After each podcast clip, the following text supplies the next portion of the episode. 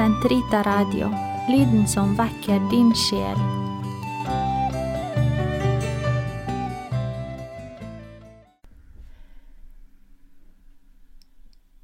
Karmels hage Å overvinne hindringene.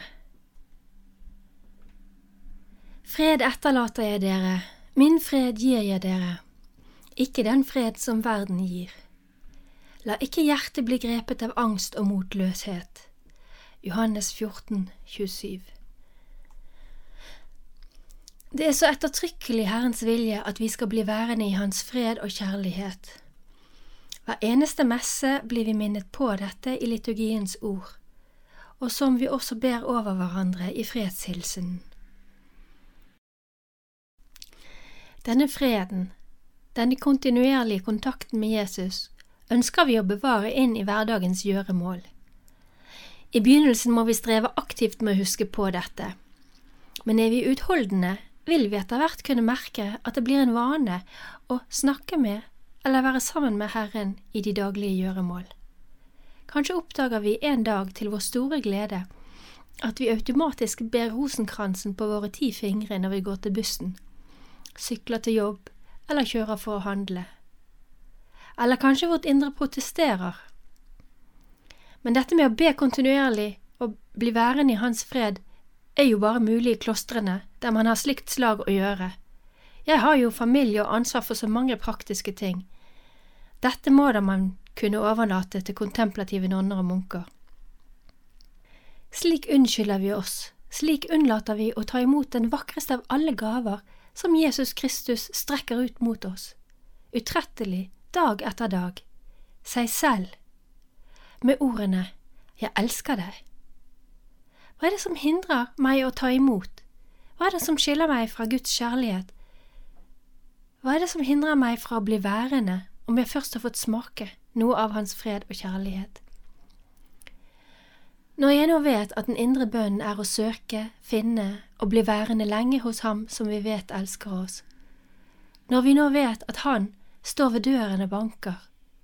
Hvorfor er det så vanskelig å finne tid til dette? Vi finner alle våre individuelle svar her, vi har alle våre mentale sperrer som vi må ta oppgjør med, vi har alle våre tidstyver, og da snakker jeg ikke om de gode tingene som vi gjør for Guds kjærlighets skyld, som å lage mat til våre kjære, vaske klær, gå på jobb, passe syke barn, besøke gamle foreldre eller en ensom venn. Nei, jeg snakker om alt vi omgjøres med av adspredelser som spiser opp den halve timen jeg hadde tenkt å sette av til å være sammen med Gud. Jeg kan høre min egen indre stemme, eller kanskje er det fristerens? Jeg må bare sjekke e-posten først, kanskje er det noe viktig. Jeg Må først nyte avisen med en kopp kaffe. Jeg ber jo så mye bedre når jeg er litt våken. Jeg må først ta denne telefonen, se dette viktige TV-programmet, Plutselig har den gode tiden flydd av gårde, og igjen er det noe som må gjøres. Kanskje noen sultne barn som kommer inn døren, lekser som må gjøres, alt det andre. La oss be. Kom, Hellige Ånd, fyll dine troendes hjerter og tenn i dem din kjærlighetsild. Du som gjennom de mangfoldige tungemål samler alle folkeslag til troens enhet. Send ut din ånd, og alt skal bli omskapt og du fornyer jordens åsyn. La oss be. Gud, du har opplyst de troendes hjerter ved Den hellige ånd.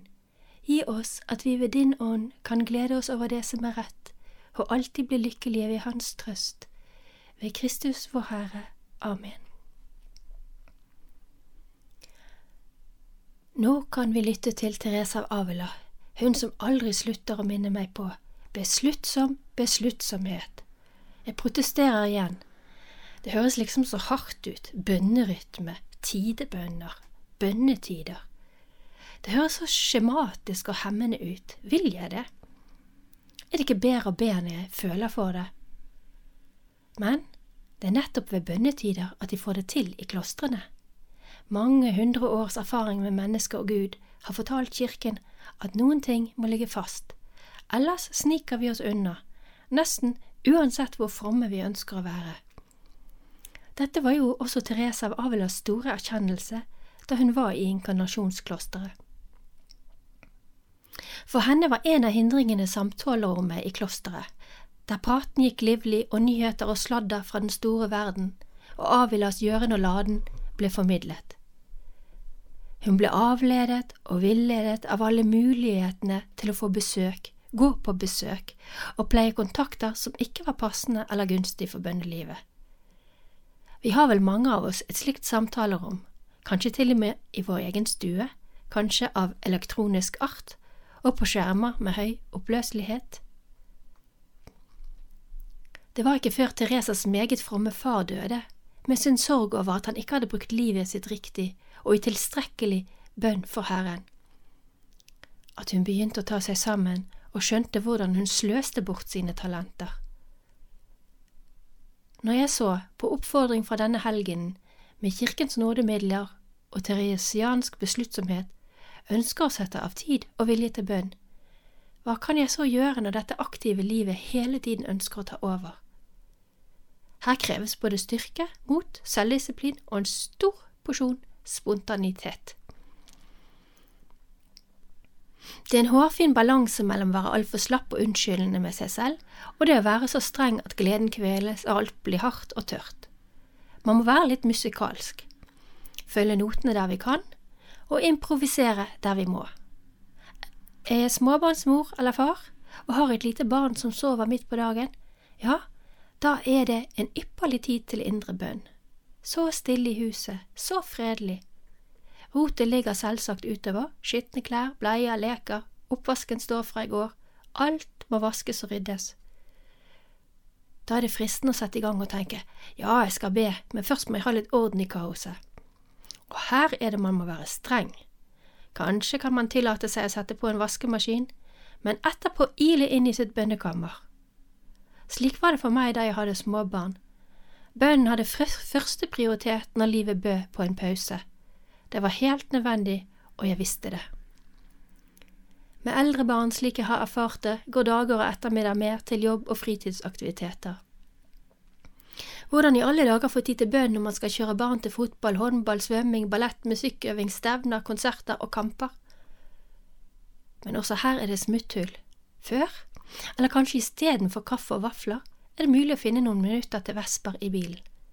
Er det fint vær, er det fullt mulig den timen de håpefulle forbereder seg til stevner, kampkonsert osv., å ta seg en spasertur med rosenkransen i et fremmed nabolag. Man kan parkere bilen på et litt bortgjemt sted og holde indre bønn, om det ikke er for kaldt, og er det kaldt, sørge for at det er teppe og sovepose i bilen. Oppfinnsomheten må være stor og viljen til stede. Og til deg som i denne tiden kanskje har fått altfor mye tid til rådighet på grunn av karantene, permittering og nedstenging, sykemelding eller overgangen til pensjonisttilværelse. Hva med å strukturere dagen med jevnlige og forpliktende bønneperioder? Du skal da se hvordan det kan skape luker av lys og glede inn i en hverdag som ellers kunne blitt både litt monoton og grå. I et travelt liv må det selvsagt improviseres. Like fullt er det også viktig å finne denne gjennomførbare bønnerytmen i hverdagen. Noen velger å våkne før resten av familien, de ber da, andre om kvelden når barna sover, eller om ikke annet i sin seng, med beskjed om at mamma eller pappa skal be, eller alternativt, som jeg har nevnt før, be i barnets soverom. Hvor mange ganger har jeg ikke bedt Vespa på soverommet til en liten gutt som var redd for mørket? Hvor mange ganger har jeg ikke bedt rosenkransen på sofaen i barnerommet mens den lille sovnet i sin seng? Og hvor mange ganger har jeg ikke listet meg ut fra barnas soverom for å finne den halvtimen til indre bønn? Faste tider og klosterrytme er, som vi forstår, ikke lett for barnefamilien og kanskje heller ikke for en yrkesaktiv med lange arbeidsdager. Men gjentagende tanke på, ønske om og forsøk på bønn er absolutt mulig og helt avgjørende. Det er selvsagt viktig at vi legger til rette for et liv i bønn på et praktisk plan i våre travle hverdager. At vi er våkne og sniker oss til de små bønnepausene. Ofte kan det dreie seg om noen minutter. Men så må vi aldri glemme at bønn ikke er en aktivitet og en prestasjon, Det dreier seg faktisk kun om å stoppe opp, venne seg til Jesus, som kontinuerlig står ved vår side og venter på at vi skal komme til ham. Se på meg, jeg, jeg døde for deg. Se på meg, jeg vil gjøre alt for deg. La meg slippe til, gi meg din tunge bør. Kanskje disse ordene fra Elisabeth av treenigheten kan være til glede for utslitte småbarnsforeldre. Det er en av annen av Karmels hellige som vi skal komme tilbake til til høsten. Hun skriver til sin søster om sin vesle niese og hvordan hun kan kaste lys over hvordan vi tenker på våre barn. Elisabeth skriver, Jeg elsker den lille engelen, nesten like mye som hennes mamma, tror jeg. Vet du, jeg kjenner meg gjennomtrengt av ærefrykt for dette lille tempel for den hellige treenigheten. Hennes sjel synes for meg som en krystall som utstråler Gud. Og når søsteren er mismodig fordi hun er utslitt og ikke klarer å be, skriver Elisabeth. En som elsker, bør aldri bruke ordet mismot. Jo mer du kjenner på dine manglende krefter og dine problemer med å samle deg, jo mer mesteren synes skjult, jo mer skal du glede deg, for da gir du han noe. Hvilken rolle spiller det hvordan vi føler oss? Han er den uforanderlige. Han elsker deg i dag som han elsket deg i går, og slik som han skal elske deg i morgen, selv om du har gjort ham bedrøvet. Glem ikke at dyp roper på dyp, og at din nødsdyp kaller på hans barmhjertighetsdyp. Hvis det er der faser i livet man ikke kan forplikte seg til regelmessig bønn, kanskje til og med et helt liv, men vår nød, vår lengsel, vår uro vil være der inntil vi finner hvile i Gud. Jeg møter stadig på mennesker som har krevende livssituasjoner, der alt de er og har, må stilles til rådighet for andre. Dem har Teresa stor forståelse for og trøstefulle ord til. I boken Klosterstiftelsene forteller han om en slik person. I nesten 15 år hadde lydigheten pålagt ham så store prøvelser i forbindelse med ulike oppdrag og ledende embeter at han ikke kunne minnes å ha hatt en eneste dag for seg selv gjennom alle disse årene. Selv om han så godt som han kunne prøvde å få tid til noen stunder hver dag til bønn, samt å holde sin samvittighet ren. Av alle de sjeler jeg har truffet på, er dette den som har hatt mest tilbøyelighet til lydigheten og det smitter over på alle dem han har hatt noe å gjøre med. Herren har lønnet ham vel, for uten at han visste hvordan det gikk til, skjønte han at han hadde fått del i den åndens frihet som er så kostbar og ettertraktet, og som de fullkomne eier. I den finnes all den lykke man kan ønske seg i dette livet, ettersom de ikke ønsker seg noe, for de eier alt. De verken frykter eller lengter etter noe på denne jorden.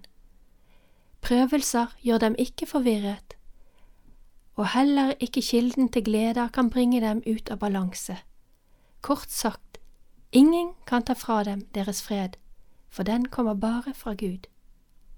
Og litt senere skriver hun, Dette gjelder ikke bare denne ene personen, for jeg kjent flere av samme sort. Opp med haken, mine døtre, dere får ikke bli skuffet når lydigheten holder dere sysselsatte med ytre ting. Om det er på kjøkkenet dere er opptatt, så skal dere vite at Herren er midt iblant gryter og kasseroller, og han hjelper dere både i det indre og i det ytre. Takk, kjære Teresa, jeg har noen middagsgryter som står og venter på en aldri så liten vask. Men helt til slutt må jeg ta med Martas bønn. Den fikk jeg tilsendt av en karmelittnonne i en periode med mye slit. Den er så vakker, og vi kan bære over med at den har et noe foreldet syn på oppgavefordelingen kjønnene seg imellom. Den er oversatt fra tysk. Bønnen er nok opprinnelig skrevet på amerikansk. Av Julia C. Dorr. Martas bønn. Ja, Herre, noen må jo tjene ikke alle kan sitte på avstand med et fredelig hjerte. heller ikke ved dine elskede føtter, innhyllet i søt andakt. Ja, Herre, noen må jo bære dagens byrde, dens møye og hete, mens andre funderer og ber ved dine føtter. Ja, Herre, noen må jo utføre livets daglige plikter. Noen som heller vil synge, må plage seg selv, jordens støv, slite og tie. Ja, Herre, menn må jo tjene penger og kvinnene ta seg av hjemmet, og noen må stå opp tidlig for den andres skyld, som heller ber. Ja, Herre, også du må bli forsørget på jorden. Jeg bringer deg brød og vin, du er en guddommelig gjest, det skal være min bønn. Amen.